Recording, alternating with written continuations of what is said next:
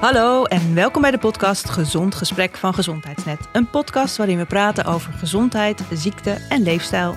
Mijn naam is Karine Hoenderdos, ik ben journalist en ik schrijf en praat over gezondheid en ziekte. Gezond Gesprek is de podcast van gezondheidsnet.nl, de nummer 1 website in gezondheid van Nederland. Over elke podcastaflevering kun je een artikel teruglezen op www.gezondheidsnet.nl. Gezond Gesprek is ook aangesloten bij Vriend van de Show. Op dit platform kun je voor slechts 1,50 per maand vriend worden van de show of eenmalig doneren. Daarmee steun je onze podcast. Ook kun je een reactie achterlaten op een aflevering, boodschap inspreken of een high five geven. Laat wat van je horen, dat vinden we leuk. In deze aflevering praat ik met internist Mariette Boom. Zij is werkzaam bij het Leids Universitair Medisch Centrum. Samen met Lisbeth van Rossum schreef ze de internationale bestseller Vet Belangrijk. Verder doet ze onderzoek naar bruin vet en daar gaan we het in deze aflevering uitgebreid over hebben. Mariette, welkom. Dankjewel, Karine. Zo fijn dat jij ons drie luik over overgewicht eh, wilt afsluiten. We hebben het met Lisbeth van Rossum gehad over de oorzaken van overgewicht en daardoor ook de noodzaak van een behandeling op maat. Met Hanno Peil hebben we het gehad over de gevolgen van overgewicht en wat nou goede voeding is. En met jou wil ik het in deze derde aflevering graag hebben over de stofwisseling. Wat is dat nou precies en hoe kunnen we de stofwisseling zo beïnvloeden dat we mooi op gewicht blijven of misschien zelfs afvallen? Ja. En nou ja, laten we daar maar mee beginnen. Wat is nou eigenlijk de stofwisseling? Ja, de stofwisseling dat is eigenlijk het proces in je lichaam waarbij voedingsstoffen worden verbrand. Tot energie of tot warmte. En de voedingsstoffen die we met name verbranden in het lichaam, dat zijn de suikers, dus het glucose en de vetten. En ja, je verbrandt eigenlijk de hele dag door zonder dat je het door hebt. Dus als je al, hè, zoals we hier zitten, eigenlijk zoveel mogelijk in rust, dan verbrand je ook al een, eh, een groot deel. En dat is natuurlijk omdat je hart is aan het pompen, je bent aan het ademen, je bent aan het nadenken. Ga ik vanuit tenminste. Ja, dat, kost, dat kost allemaal energie. Dus dat, dat, dat is eigenlijk al het grootste deel uh, waar we uh, onze energie aan verbranden. Gewoon doordat we kunnen, ja, er, er kunnen zijn en kunnen zitten en ons lichaam uh, in gang blijft. Is dat wat ze de ruststofwisseling noemen? Ja, exact. Dat is het rustmetabolisme. En als je het helemaal exact wil definiëren, dan is dat het metabolisme als je rustig in bed ligt. Dus dat is echt het rust, ruststofwisseling. Dus we, zelfs als je zit, kost het al meer energie. Nou, en dan is er natuurlijk als je, als je gaat bewegen, bijvoorbeeld uh, gaat stofzuigen. Nou, dan kost het ook weer meer energie, want je spieren zijn aan het werk. Nou, als je wat gegeten hebt, uh, je, de, de, het, het, het verteren van, van voeding, dat kost ook energie. En dat is meer het, de, de, ja, de bewegingsgeïnduceerde thermogenese.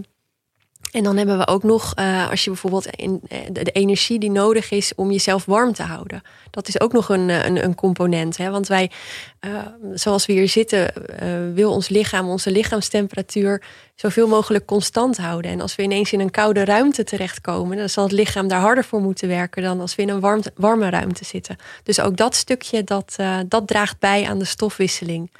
Oké, en dat alles bij elkaar Uh, is, dat een, is dat een constante? Is dat, want uh, ja, bijvoorbeeld op websites als het voedingscentrum staat... een vrouw heeft uh, 2000 calorieën per dag nodig en een man 2500 geloof ik. Is dat, is dat iets wat voor iedereen constant is? Nou nee, dat, dat, er is inderdaad zijn soort richtlijnen wat je ongeveer zou, hè, wat je ongeveer nodig hebt als vrouw om in balans te blijven. Dus dan ga je ervan uit dat als vrouw je ongeveer 2000 kilocalorieën per dag verbrandt. Maar dat verschilt wel heel erg tussen mensen. Dus dat wat ook bijvoorbeeld heel belangrijk is, is, is wat je lichaamssamenstelling is. Als je bijvoorbeeld heel veel aan krachttraining doet en heel veel spiermassa hebt, dan, dan verbrand je ook meer. En dan zal je ook meer voeding nodig hebben om in een energiebalans uh, te blijven. Dus dat, dus dat is niet voor iedereen hetzelfde. Dus spieren die, met spieren die uh, zijn actiever of zo? Of, of die verbranden meer energie? Ja, in rust al. Dus als je, als je meer spiermassa hebt, je spieren die, die, die zullen in rust dan ook meer uh, bijdragen aan de verbranding. Ja, dus als je een, uh, ja, een postuur hebt met veel spier, dan moet je dat ook onderhouden. En dan heb je daar meer, kost dat meer energie. Hm. Ja. Oké. Okay. Dus die 2000 en die 2500, dat is echt een hele grove. Dat is een grove maat. Ook ervan uitgaan, want we hebben natuurlijk ook het verschil dat vrouwen um, een lagere verbranding hebben dan mannen. Dat is puur omdat ze, een, uh, dat ze wat kleiner zijn en minder spiermassa hebben. Maar ja, als je een vrouw bent die aan bodybuilding doet, dan gaat dat zeker niet op. Ja, of je bent een kleine man die alleen maar op de bank ligt. Dan, ja, precies. Dus ja, zo, zo zwart-wit moet je het niet zien. Het verschilt echt per persoon. Dus je moet ook Oh, hè, als je, als je um, ja, wil proberen om, in een, om ja, gezond te leven, moet je ook heel erg kijken naar inderdaad, wat is mijn postuur? Wat, hoeveel beweeg ik? Want je moet ook niet, als je heel, als je heel actief bent, uh, te streng voor jezelf zijn en te weinig, ja, te weinig voedingsstoffen binnenkrijgen. Ja. En, en uh, nog eventjes terug naar die, naar die stofwisseling. Hoe weet jij persoonlijk hoe hoog je stofwisseling is? Hoe kom je daarachter? Nou, je kan erachter komen door metingen te doen. Uh, wij doen dat in het, uh, in het onderzoek met een indirecte calorimetrie. Dus wat je dan doet, is dan lig je op een, uh, op een bed. En dan um, krijg je een, een soort, een soort, um, ja, een soort kap over je, over je hoofd. Een soort, ja, wat je in de ruimte ook, een soort ruimtekap, zeg maar. Ruimtehelm, ja. Ruimtehelm. Um, en dat apparaat um, die meet de samenstelling van de uitademingslucht. Dus jij moet gewoon rustig in en uitademen in die helm. En aan de hand van uh, de hoeveelheid zuurstof en de hoeveelheid koolstofdioxide die je uitademt, uh, kan berekend worden wat in ieder geval je ruststofwisseling is. En ja, dat, dus, dus da daar kan je dan achter komen. Ja. En hoe weet je dan hoeveel je daarbij op moet tellen. Hoeveel procent is dat eigenlijk, de ruststofwisseling van je... Ja, dat zit rond de 60, 70 procent oh, ja. van je totale... Uh, oh, wat je op een dag verbrandt. Ja. ja, dat is dus eigenlijk hartstikke veel. Dat is hartstikke veel, ja. ja. En ja, die overige 30 procent ongeveer, hoe kom je daarachter? Ja, daar kan je dat met name berekeningen in doen. Hè? Dus, dus je, je zou kunnen berekenen hoeveel je ongeveer sport, hoeveel je beweegt, maar je zal het nooit helemaal zeker weten. Dus um, het blijft altijd, eh, als je, waar je het met name ook aan kan merken als je ruststofwisseling um, harder gaat, is dat je heel veel honger krijgt. Dus zo weet je ook of je, of je metabolisme ja, harder gaat. Ja. Je lichaam probeert dat heel erg te compenseren. Dus als je heel veel gaat sporten ineens, um, zal, je, zal je lichaam daar ook voor compenseren door ervoor te zorgen dat je meer honger krijgt om ja. maar in balans te blijven. Ja. Ja, okay. maar helemaal, dus hoe je totale stofwisseling is, dat, is, um, dat kan je niet helemaal. Uh, nee, en waarschijnlijk verschilt het ook van dag tot dag. Of verschilt ook. Ja. Of je, hoe actief je bent. Hoe actief je uh, bent, ja, exact. Dus alleen ja. dat rustmetabolisme. Ja. ja. Ja, goed, die stofwisseling die wordt dus beïnvloed, wat jij net al zei, over de hoeveelheid spieren die je hebt, uh, hoe actief je bent. Um, is er, zijn er ook, kun je ook op, op een bepaalde manier je stofwisseling in de war schoppen? Want ik heb je boek gelezen meermalen. Want ik vind het een super interessant boek. Dat is vet belangrijk. En uh, daarin staat bijvoorbeeld een studie. Volgens mij kun je me daarover vertellen over die, uh, die mensen die op, op televisie zo extreem moeten afvallen. Ja. Hoe heet dat programma ook alweer? The Biggest Loser. Oh ja, The Biggest Loser. Beetje dubieuze naam inderdaad. Ja, enorm dubieus. Maar inderdaad, ja je, kan, ja, je kan je stofwisseling uh, behoorlijk in de war schoppen. En die studie, dat is daar een heel mooi voorbeeld van. Dus dat waren mensen, we hebben hier hadden we het programma Obese. Ja. Hè, dus dat mensen in korte tijd in een soort uh, ja, extreem regime zoveel mogelijk moeten afvallen. Dus met een dieet, met heel veel sport en ook met coaching. En in die studie uh, hebben ze ook een groep mensen gevolgd om te kijken wat nou de gevolgen zijn op, uh, op de stofwisseling bijvoorbeeld. En daar zagen ze dat die mensen die vielen in 30 weken tijd gemiddeld 58 kilo oh af. My God. Gigantisch. Ja. Uh, maar wat ze zagen was dat aan het eind van die 30 weken hun rustmetabolisme met 600 kilocalorieën verminderd was. Dat is gigantisch. Ja. Als je ervan uitgaat dat bij een, een, een, een vrouw met een normaal postuur het rustmetabolisme 14, 1500 kilocalorieën is. Dat is gigantisch. En kwam dat niet omdat ze gewoon minder waren geworden. Ze waren gewoon kleiner geworden in verhouding, zeg maar. Hun... Ze zijn wat kleiner geworden. Ja, nou, ik bedoel Wellicht... niet in lengte, maar in gewicht. Dan. Ja, ja, maar dat vet draagt niet heel veel bij aan het rustmetabolisme. Okay. Dus met name de spieren. Dus ja, dat, dat, dat is echt een compensatiemechanisme van het, van het lichaam op het extreme tekort aan, uh, aan, aan, aan ja, de extreem negatieve energiebalans. Ja. En wat zo schokkend was aan die studie, is dat ze die mensen vervolgd hebben. En zes jaar later hebben ze die mensen weer onderzocht.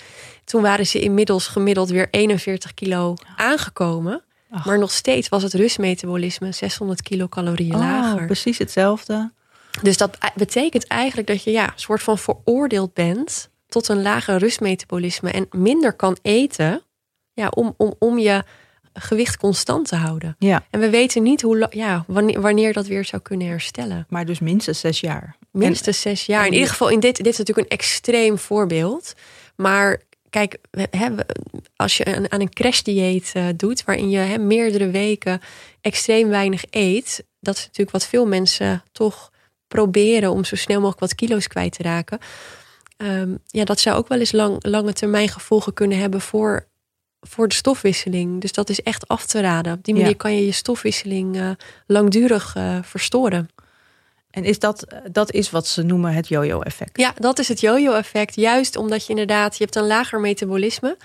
Uh, maar wat we ook weten van, van andere studies, is dat als je aan een, uh, aan een crashdieet doet, is dat je hongerhormonen uh, stijgen en je verzadigingshormonen dalen. Dus je hebt veel meer honger.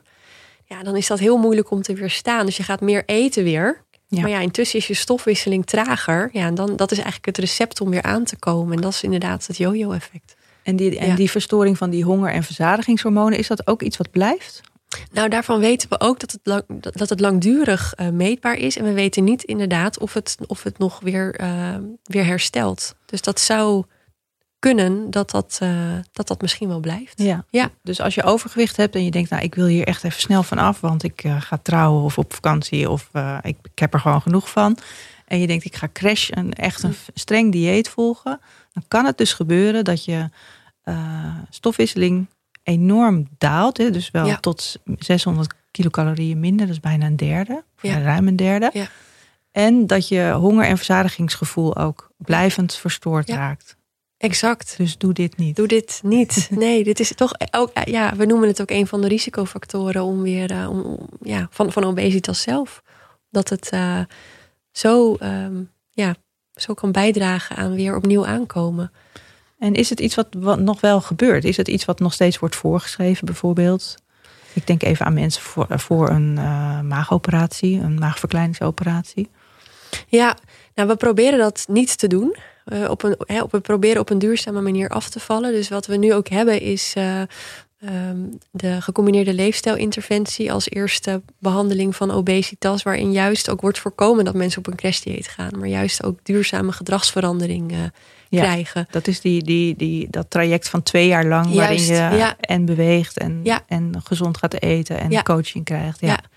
Maar ja, als je kijkt op, eh, op de social media en de, en de Instagram en ook sommige dieetboeken, die propageren juist wel eh, een, een, een dieet met, eh, met, met, met ja, zo weinig calorieën dat we het wel een crashdieet zouden noemen. Ja. Bijvoorbeeld met 1200 kilocalorieën per dag. Dat Ja, is echt veel te vragen, wat, weinig. wat is nou de definitie van een Ja. crashdieet?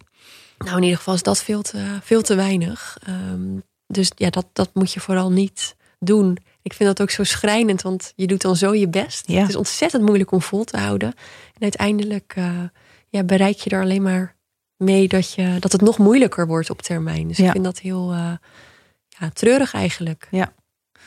Oké, dus dat, dat gaan we niet meer doen. Dat Dus- gaan we niet meer doen. Nee, langzaam tempo afvallen. Ja. ja.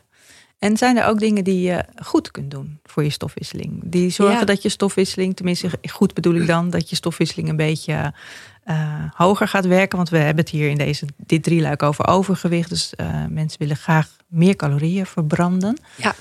Eh, wat kun je daaraan doen? Er is genoeg wat je daar inderdaad aan kan doen. Nou ja, een van de ehm, dingen die ik aan zou kunnen raden is om je, om je spiermassa te proberen te vergroten. Want ik vertelde al dat je spieren ook bijdragen aan je rustmetabolisme. Dus als je ehm, aan, ja, probeert aan krachttraining te doen, of in ieder geval echt spierversterkende oefeningen.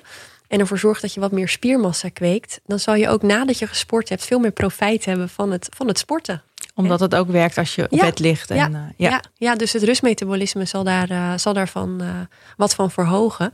Dus dat is in ieder geval een manier om je, om je stofwisseling te verhogen. En, en hoe, hoe hard moet je dan trainen? Ik bedoel, moet je dan echt bodybuilderachtige eh, vormen aan gaan nemen? Of is een paar kilo spiermassa? Nee, al, dat is al, dat is, heeft al, eh, dat is al gunstig. Ja. Alle beetjes helpen, zo moet je het zien. Ja. Je moet het voor jezelf ook niet te groot, hè? Dat, je, dat je een- een extreem groot doel nastreeft. Maar je moet in kleine beetjes. Dus probeer eerst zoveel kilo bijvoorbeeld eh, met je benen te heffen en daarna wat meer kilo en op die manier het op te bouwen.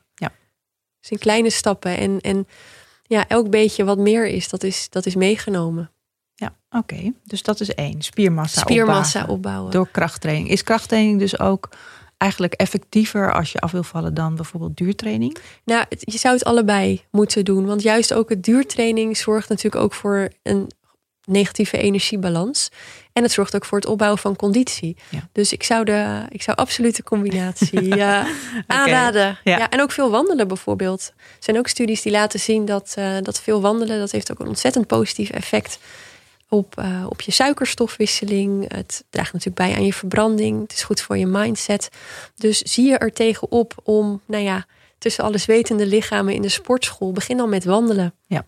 Ja, Ja, wandelen is natuurlijk sowieso heerlijk. Inderdaad, ook al wat je zegt voor je mindset. hè, Ja, dat het ontspant absoluut. en eh, lekker Ja. buiten zijn. Ja. En, eh, ja oké. Sporten, kracht, krachttrainen, maar ook duurtrainen. ook dat duurtrainen. is Ja. belangrijk. Ja. En is er verder nog wat? ja, het andere, eh, dat zal je niet verbazen, is het activeren van het bruin vet. Ja, en dat, je gaat echt al glimmen als je het erover Ja. hebt. Want dit is echt jouw onderwerp. Hè? Hier ben Ja. je ook op gepromoveerd. Ja, hier doe ik al tien jaar onderzoek naar met heel veel plezier. Ja. Ja. Wat is bruin vet? Nou, we hebben dus grofweg twee soorten vet in ons lichaam.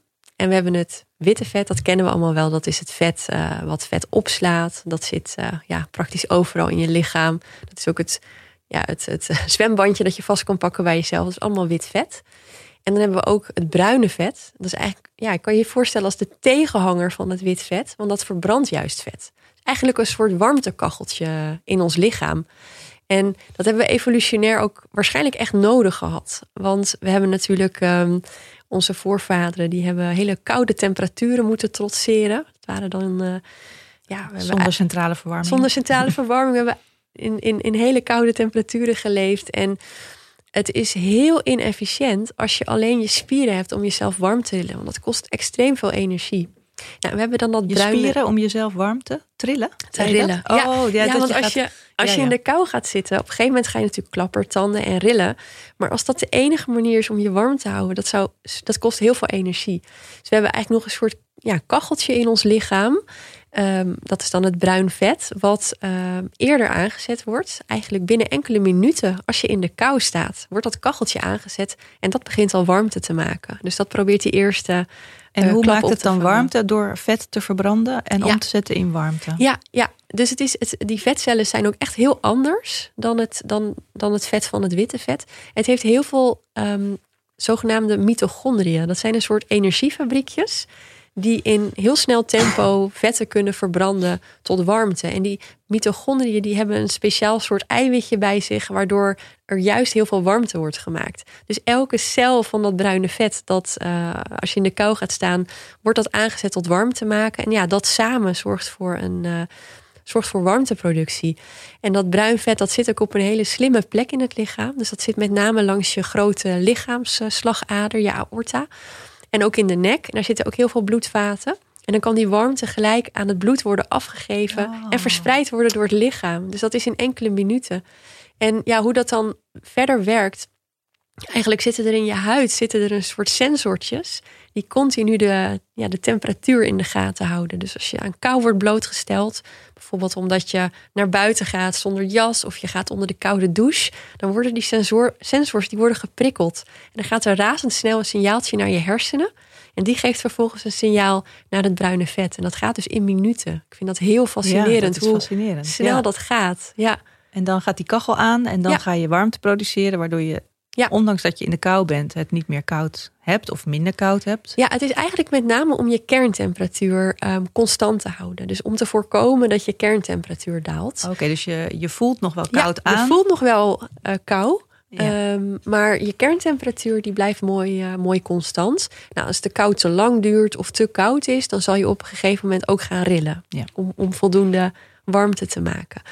En ehm, eigenlijk die combinatie zelfs van bruin vetactiviteit en rillen, ja, dat leidt tot een ontzettende boost in je, in je stofwisseling. Oké. En heeft iedereen, heeft iedereen bruin vet? Nou, dat weten we niet zeker. We Oh. denken van wel. We weten dat ehm, bij baby's bruin vet extreem belangrijk is. Uh, omdat baby's die hebben nog heel weinig spieren om zich warm te rillen. Dus die zijn echt afhankelijk van hun bruin vet om zich warm te houden. Um, die hebben ook heel, heel veel bruin vet tussen hun schouderbladen zitten. En nou, dus die hebben heel veel bruin vet. Dus iedereen wordt geboren met bruin vet? Ja, ja absoluut. Met veel. Baby's hebben echt veel bruin, uh, bruin vet. Maar dat neemt af naarmate je ouder wordt. En rond de puberteit, dat, dat lijkt een soort switch te zijn waarin de hoeveelheid bruin vet flink afneemt. Want dan, uh, vooral mannen, die ontwikkelen heel veel spieren. En die, uh, ja, dan wordt dat bruin vet minder nodig.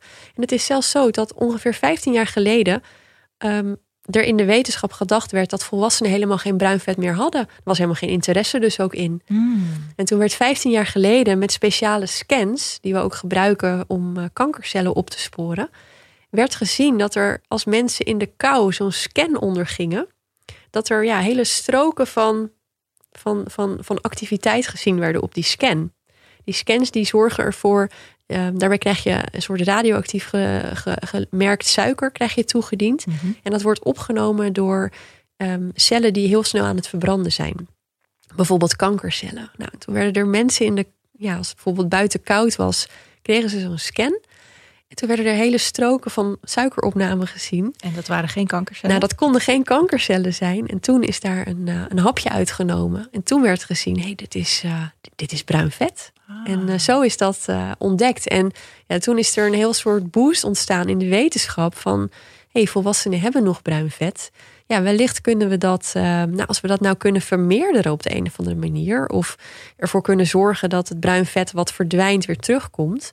ja, dan, dan kan je de stofwisseling verhogen... en op die manier bijdragen aan een uh, gezonder metabolisme en aan een gewichtsverlies. Ja, en jij zegt, jij doet er al tien jaar onderzoek naar, ja. dus jij was er ook snel door gefascineerd ja. toen dat uh, ja. Naar buiten kwam. En wat voor Ja. onderzoek doe je daarnaar? Wat, wat ben je aan het uitzoeken? Nou, wat ik aanvankelijk uh, deed, was echt op, op celniveau uitzoeken hoe dat bruin vet precies werkt en, en hoe het ook vetten opneemt. Want we, we, hadden het er net over dat bruin vet in rap tempo vetten verbrandt. Maar kijk, dat bruin vet heeft een, een eigen opslag van, uh, van vet. Maar op een gegeven moment is dat bijna op. En dan moet het bruin vet ergens anders vetten vandaan halen. En wat dan gebeurt, dat is, dat is ook heel mooi. Dan laat het witte vet, laat vetten los. Ja. Die vervolgens via het bloed door het bruin vet worden opgenomen en vervolgens verbrand. Dus op die Oh. manier kan je echt een soort van je witte vet ja, leeg tanken. Um, en, en, en verbranden. En omzetten in warmte. En omzetten in warmte, ja. Dat is wat je wil. En dat is, daar heb ik dus ook onderzoek naar gedaan. Echt op, op, heel, op, echt op celniveau hoe dat precies werkt. Ja. Um, maar waar ik nu heel veel onderzoek naar doe, is kijken... Ja, hoe kunnen we dat bruin vet nu het beste activeren in mensen? Nou, kou, dat, uh, dat, daar, dat is heel effectief. Maar um, niet altijd haalbaar natuurlijk. Hè? Want het als we nou een warme zomer hebben... niet iedereen heeft een soort koelcel in zijn huis... om continu uh, in de kou te gaan zitten. Dus kou is effectief om uh, jezelf blootstellen aan kou is effectief. Want daardoor wordt dat, dat bruine vetweefsel gestimuleerd en neemt ja. het dus ook toe. Ja, Oh, ja, dat zijn, is dus goed nieuws. Dus dat is, ja, dus dat is heel goed nieuws. Er, we weten bijvoorbeeld dat als je slechts twee uur per dag in een wat koelere ruimte doorbrengt van 16, 17 graden. Dat betekent in de winter ja, je verwarming uh, gewoon een stuk lager zetten. Dan kan dat al leiden tot uh, verlies van vetmassa. En dat en zorgt niet een hele voor meer trui aanzetten. Precies, ja. ja. Je moet wel die prikkel uh, houden. Ja, ja.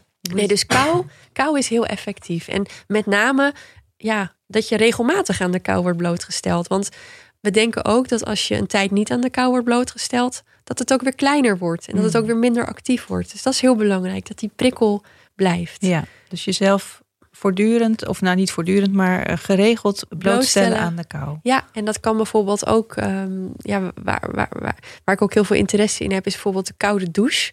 Is dat we weten nog niet of dat voldoende is um, om langdurig bruin vet aan te zetten. Daar moeten we nog uh, onderzoek naar doen.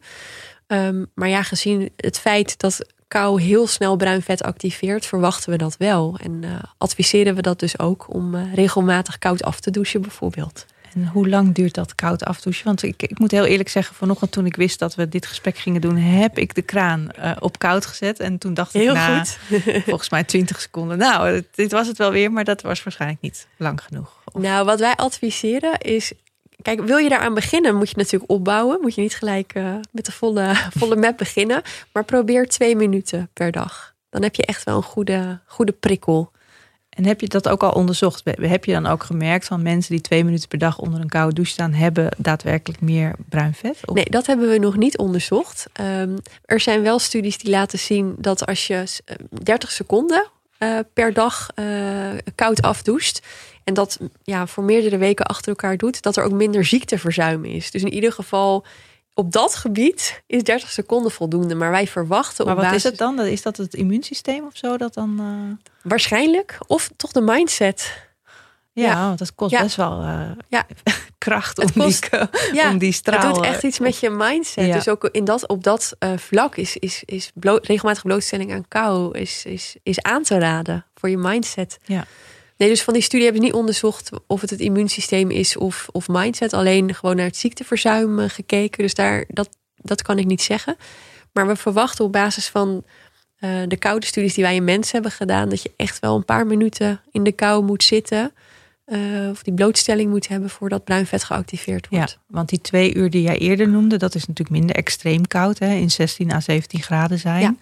Ja. ja. Uh, dat is wat anders dan, dan twee minuten onder een koude douche, die veel kouder is waarschijnlijk dan uh, 16 graden. Ja. Oké, okay.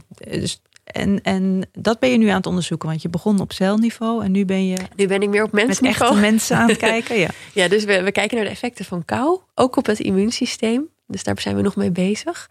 Daar lijken ook hele interessante dingen te gebeuren. Dat er uh, ja, dat toch dat de immuuncellen daar heel snel op reageren. Zelfs na twee uur kou. Dus dat is heel interessant. Um, ja, en waar we verder onderzoek naar doen, is uh, of we met, met medicijnen het bruin vet kunnen beïnvloeden. Um, dat doen we met name ook om te kijken. We kunnen medicijnen gebruiken om te zien waar bruin vet allemaal op reageert. Want we weten in mensen nog niet zo goed welke hormoonontvangers er allemaal op bruin vet zitten. Dus bruin vet kan aangezet worden door het zenuwstelsel, hè, door kou. Mhm. Maar dat gaat ook via hormoonontvangers. En er zijn waarschijnlijk bepaalde hormonen die of via die hormoonontvanger of via andere hormoonontvangers die op het bruin vet zitten, ook het bruin vet kunnen aanzetten. En dan zou je via medicijnen, medicijnen dat die hormonen kunnen beïnvloeden, zodat ze. Ja, exact. En dan zouden we dus eigenlijk kou kunnen nabootsen. Ik ben er natuurlijk, ik ben er niet per se voor om iedereen aan de medicijnen te krijgen, maar het is ook. Het helpt ons ook heel erg om inzicht te krijgen in hoe, hoe het bruin vet precies werkt. En ja, wellicht is het een methode voor in de toekomst. Ja. Dus daar hebben we inderdaad bepaalde, een bepaalde hormoonontvanger hebben we nu uh, um, ja, gevonden die, die het bruin vet uh, activeert in mensen.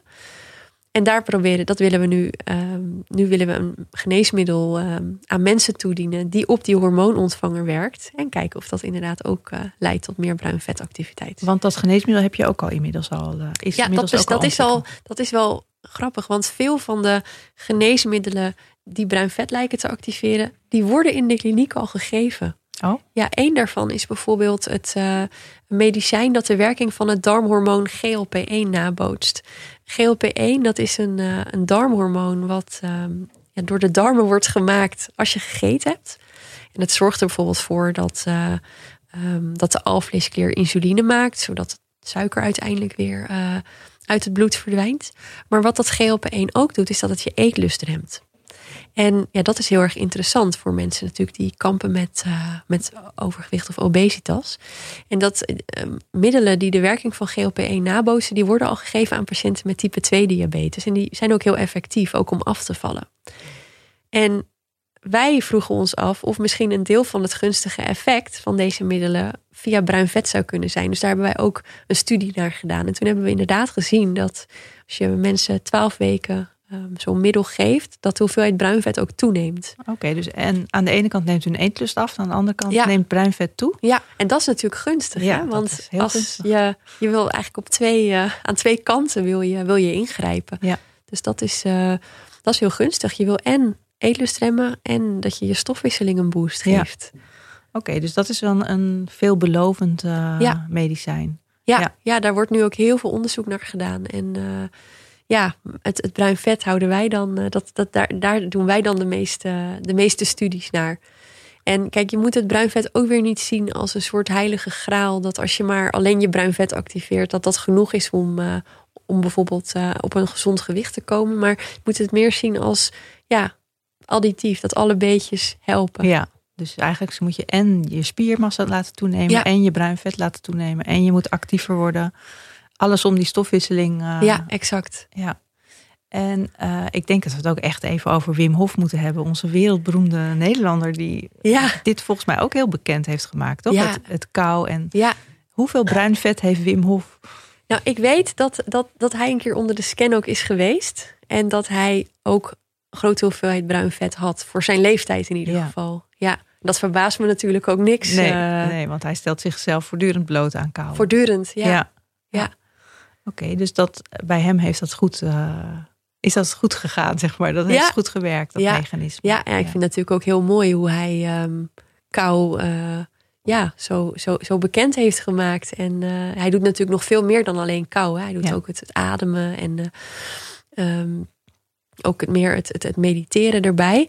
Ehm, maar ik vind dat natuurlijk alleen maar heel mooi als onderzoeker dat iemand daar zo, eh, zo Ja. enthousiast over is. Ja, ik denk Ja. Dat, dat hij wel heeft bijgedragen aan de, de publiciteit rondom bruin vet en Absoluut. kou. Ja, Ja, absoluut. oké. Ehm, is er verder nog iets dan om je stofwisseling eh, op te peppen?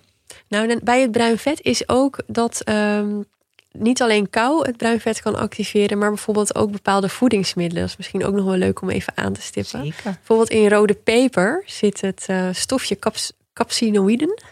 En die capsinoïden die kunnen eigenlijk via dezelfde route als, ehm, als kou ehm, het bruin vet activeren. Oh, Dus dat is ook heel ik erg herken mooi. wel dat je het heel heet kan krijgen als je heel pittig eet. Ja, dus mogelijk is dat ook deels doordat je, hè, doordat je bruin vet ineens een boost krijgt. Ja, ja.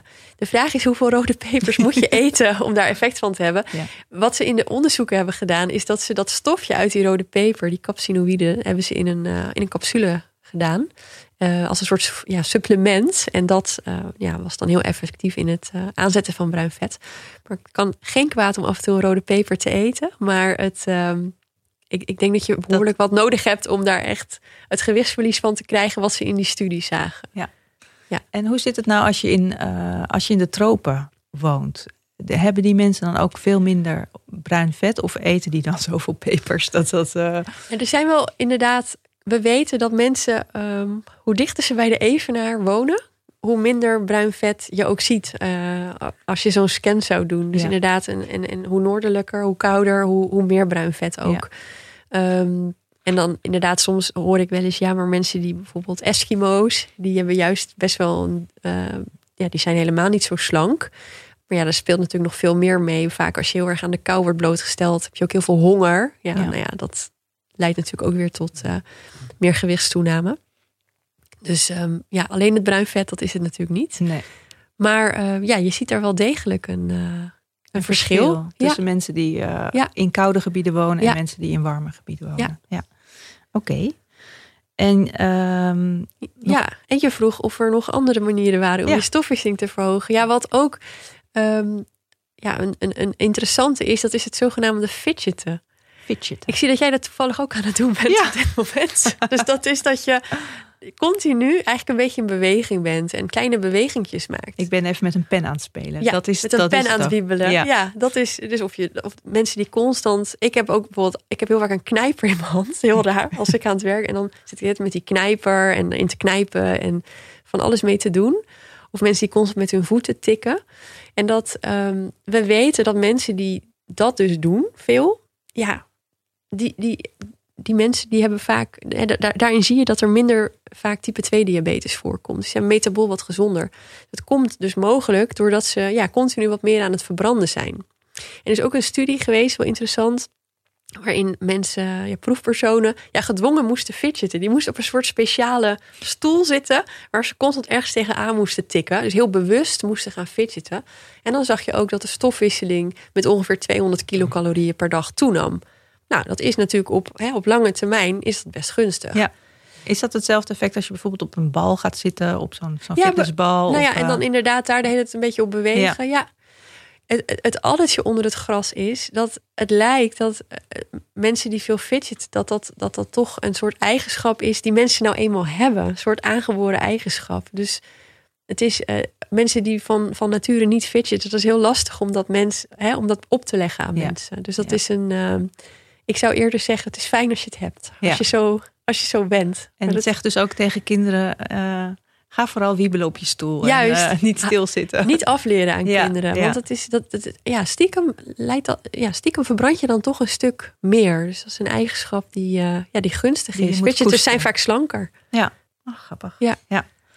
Oké, dus dat, ehm, als we het nou even gaan samenvatten, wat je nou kunt doen allemaal om je praktisch, om je eh, stofwisseling te verhogen. Dat is dus je verwarming lager zetten. Ja. Twee uur per dag. Ja. Mag ook meer. Mag, mag meer, maar Ja. in ieder geval twee uur per Het dag. is ook meteen heel duurzaam. Sowieso, ja. Ja. ja. Dus het mes snijdt aan meer kanten. Ja. en als je nou buiten gaat wandelen zonder jas. Ja, ook. Ja, je hebt en het wandelen dan en eh, de koude prikkel. Ja, zeker. Sporten buiten. Ja, Ook goed. Ja. Oké. Eh, koud afdouchen. Ja. En opbouwen tot twee minuten. exact. Of nog langer. Als je je haar moet wassen. Voor de, ja. je haar gaat er ook van glanzen. Is Van dat zo? kou, ja. Ja, nu Ja. zegt. Je hebt heel glanzend haar. Of- En hete pepers eten. ja. Ja. ja, dus eigenlijk eh, hete pepers en afblussen met een eh, koude, Ja. koude douche. En ja. dan nog krachttraining. En eh, lekker een beetje wiebelen op je stoel. ja. En hoe, hoe groot... Ja, wat kun je dan bereiken? Kun je, dan kun je dus die, ros, die ruststofwisseling verhogen. Maar dan moeten we dus niet denken aan 1000 calorieën per dag. Nee, ja, het is natuurlijk heel lastig om daar een, een schatting van te geven. Maar we weten met, met als je bijvoorbeeld maximaal je bruin vet stimuleert door, door hè, veel aan de kou bloot te stellen.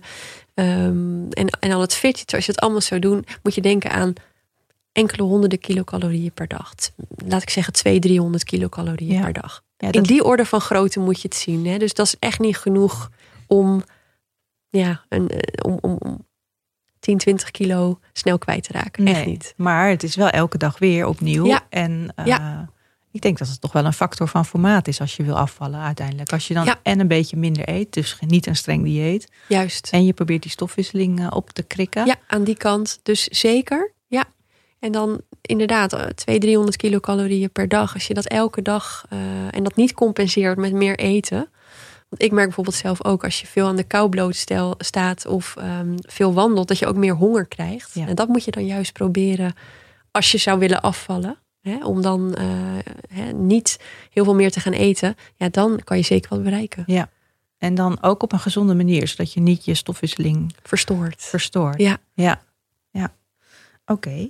En ehm, sommige mensen die zeggen van ja, mijn stofwisseling is zo laag. Als ik een gebakje zie, dan kan ik het eigenlijk al op mijn dijen plakken, want dan, eh, dan zit het er meteen al aan. Ehm, hoe zit dat? Ja, we weten dat er niet super grote verschillen zijn tussen de ruststofwisseling tussen mensen. Tenzij je bijvoorbeeld echt een schildklierziekte hebt. Hè? Dus een te traag werkende schildklier. Dat heeft wel echt een groot effect op je rustmetabolisme. Maar verder tussen mensen val, ja, dat, dat zit ook in de orde van enkele honderden kilocalorieën per dag. Dus dat valt heel erg mee. Dus het, ehm, ja, er moet echt een, horm- een, een hormonale ziekte zijn, wil je stofwisseling heel laag zijn. Ja, dus mensen die dat zeggen, die zouden eigenlijk dat moeten laten uitzoeken. Van, Ja. Klopt dat? Ja. En ook kijken naar zichzelf van hoe, hoe beweeg ik en hoe... ja, eh, ja. alle factoren meenemen. Ja. En, en eh, hoeveel eet ik echt? Hè? Soms dan is dat toch ook lastig om dat bij te houden op een dag. Is dat, en, en ook inderdaad, wat voor soort voeding eet ik? Is dat heel bewerkt of is dat onbewerkt? Ja. Veel bewerkte voeding, eh, dat geeft veel minder verzadiging. Daar eet je stiekem toch veel meer van dan je, dan je vaak denkt. Ehm, nee, dus die ruststofwisseling. Het is zelfs zo dat mensen met obesitas ehm, hebben vaak ook wat meer spiermassa. Wat, wat, hè, wat zich vanzelf ontwikkelt, omdat er meer gewicht bijvoorbeeld op de, eh, op de, op de benen. ja, ehm, ze moeten meer dragen. ze moeten meer dragen. Ze hebben meer. Dus die stofwisseling is soms zelfs wat hoger, de ruststofwisseling van mensen met obesitas. Dus dat is vaak geen onderliggende eh, grote oorzaak eh, van het ontstaan. Oké. En eh, aan de andere kant heb je ook mensen die, waarvan je denkt, nou, je- jij eet echt alles Ja, en jij komt niet aan. Hoe Ja. kan dit? ja. Ja, dat kunnen dus mensen zijn die heel veel fidgeten, inderdaad. Maar er zijn ook nog wel veel andere factoren. Bijvoorbeeld, ehm, als je denkt aan het microbioom, dat is ook heel erg interessant. Want nou ja, dat microbioom, dat, Dat zijn, zijn de, de bacteriën. de darmbacteriën ja. inderdaad. Nou, daar kan je een heel, heel pleitora aan verschillende combinaties van darmbacteriën hebben. En sommige mensen hebben een combinatie van darmbacteriën die heel actief zijn. Dus als er voeding langskomt, die, het, die dat lekker alvast verbranden voordat jij het opneemt. Nou, dat is gunstig als je dat, hè, als je Ja, zo'n combinatie Die pikken hebt. het voor je weg, Juist, spreken. ja, Ja. En die, eh, ja. Of je neemt, hè, dus eh, dat, dat zal ertoe leiden dat zulke mensen ja, veel meer kunnen eten en er minder van aankomen. Ook dat soort factoren spelen allemaal mee. Ja. En er wordt ook veel onderzoek naar gedaan. Naar dit, hè, mensen, dat is wel interessant. Hè. Je hebt van die mensen die, ja, die, zijn, die hebben bijna geen grammetje vet, maar die eten zoveel. Dan denk je, nou, waar laten die mensen Ja. het? Daar wordt veel onderzoek naar gedaan. Of er bepaalde genen zijn in die mensen die toch anders zijn. Of daar tot nu toe ehm, is daar nog niet heel veel van bekend. Maar is misschien heel zit interessant. het dus ook, ja, dat is zeker interessant. Maar dat, dat zou ook heel goed inderdaad, dat zou heel goed in het fidget kunnen zitten. Het zou een stukje bruin vet kunnen zijn. Het zou een stukje eh, toch microbioom kunnen zijn. En soms is het ook zo dat dit soort mensen gewoon veel minder beloning ervaren van eten. En veel sneller verzadigd raken. En eigenlijk ook veel minder eten dan ze eigenlijk denken. Soms ja, eten ja. ze, dan zie je ze wel eten, maar je weet niet wat ze thuis natuurlijk eten. Ze eten misschien gewoon drie maaltijden per- dag, maar gebruiken niet eten als troost of als. eh, Ja, dat, dat zijn ook dingen. Ja. Hè, dus soms eh, ja, die ook mee kunnen spelen. Ja. Ja. En dat microbioom, ehm, hoe kun je dat beïnvloeden? Ehm, nou, we weten dat als je veel vezelrijk eten nuttigt, Ja. eh, dat is gunstig voor je microbioom. Ja, dus de groente en de fruit Ja, en de ja, dat is eigenlijk je, je dieet is eigenlijk het belangrijkste om het te beïnvloeden. Er zijn ook wel wat studies die nu gedaan worden met zogenaamde poeptransplantaties. Oh ja. Om te kijken als je mensen nu ja, een nieuw microbioom geeft. Of Van dat zo'n superslank persoon Ja. bijvoorbeeld. Ja, ja van, een, eh, van een slank iemand die blijkbaar een gunstige combinatie heeft van, eh, van darmbacteriën. Eh, of, dat, of dat een positief effect heeft. Nou, er zijn wat kleine gunstige effecten gezien op de suikerstofwisseling. Als je een gunstig microbioom eh, krijgt. Ja. Maar ehm, Misschien moet je even uitleggen hoe dat werkt, een poeptransplantatie. Want ik krijg daar. Ik denk dat mensen daar hele rare beelden bij krijgen. Ja, ja. ik zal het niet te plastisch vertellen hoe het. Nee, waar het op neerkomt, is dat, eh, ehm, dat er inderdaad poep wordt verzameld van, van, een, van een slank iemand met een gunstig microbioom. Ja, dat wordt op een bepaalde manier vermalen en, en bewerkt. Eh, er wordt ook voor gezorgd dat, dat er geen ziektes in zitten, dat er geen ziekmakende bacteriën in zitten. Nou, vervolgens ehm, krijg je een behandeling waardoor je eigen microbioom ehm, ja, verdwijnt. Ehm, en dan krijg je met een soort ja, zonde, wordt ja, via ja, niet direct in je mond dat je het moet drinken, maar dat wordt gewoon in het je wordt darm toch wel vrij ingebracht. plastisch. Ja. ja. En, eh, en ja, dan nestelen die bacteriën zich daar. En hoe lang is dat effect? Want uiteindelijk komen waarschijnlijk je eigen bacteriën Ja. toch weer terug. Ja, Ja. dat- volgens mij weten we daar niet veel van hoe lang het effect is. Nee, want uiteindelijk, ja, als je ehm, weer je oude voedingspatroon aanhoudt, dan zal dat inderdaad weer snel terugkeren Ja. naar eh, hoe het was. Ja. Oké, dus dat is ook nog niet. Dat is ook nog onderzoek. Ja, dat is ook nog onderzoek. Ja. Ja. Het is nog niet zo dat er, dat er een superdonor is die ervoor zorgt dat iedereen. eh, Nee, nee, helaas. het zou wel interessant zijn. Hè? ja. Ja. Maar toch ehm, ehm, vind ik het wel een heel positief verhaal wat je hier eigenlijk vertelt. Hè? Want ik denk dat heel veel mensen denken van ja, oké, afvallen, dan moet ik op dieet, zucht, eh, heel veel bewegen misschien. ehm, eh, maar die hebben misschien niet het idee dat ze zelf iets kunnen doen om die stofwisseling te verbeteren. ja. En jij hebt nu echt heel veel dingen laten zien waardoor je of verteld, waardoor je toch wel effect kunt hebben op je eigen stofwisseling. En ook kunt voorkomen dat je je stofwisseling zo'n klap. verstoord. Dat is ook een he- zeker een hele belangrijke. Ja. ja. Dus wat is jouw belangrijkste boodschap aan mensen met overgewicht? Afsluitend. Afsluitend. Ja. Ja. Ja. om in ieder geval het ehm, in, op, een, op een duurzame manier aan te pakken. Hè, niet te snel willen. Eh, en kleine haalbare doelen voor jezelf stellen. Ja. Dus ga elke dag een wandeling maken. En breid dat later uit met ook nog een koude douche bijvoorbeeld. En eh, op die manier het haalbare doelen voor jezelf stellen. Want anders hou je het niet vol. Ja. Oké. Nou, dat is hartstikke, hartstikke goed en hartstikke duidelijk. Dankjewel Mariette voor dit gesprek. Graag gedaan. Je luisterde naar Gezond Gesprek, een podcast van Gezondheidsnet, gepresenteerd door Carine Hoenedos met producer Jonne Cerise. De tune is van de onvolprezen de Yearlings. Wil je meer weten over dit onderwerp? Kijk dan zeker op www.gezondheidsnet.nl. En wil je reageren op deze aflevering? Dat kan en dat vinden we heel erg leuk. Je kunt reageren via Vriend van de Show. Gewoon een high five geven, een opmerking achterlaten of een extra vraag stellen aan de gast. Alles kan. Vriend worden van Gezond Gesprek kan ook voor maar 1,50 per maand. Kijk op www.vriendvandeshow slash gezond koppelstreepje gesprek. We zijn verder heel blij als je deze podcast ook deelt op bijvoorbeeld Twitter, Instagram of Facebook. Dan kunnen meer mensen deze podcast vinden. Tot de volgende keer. Tot de volgende gezond gesprek.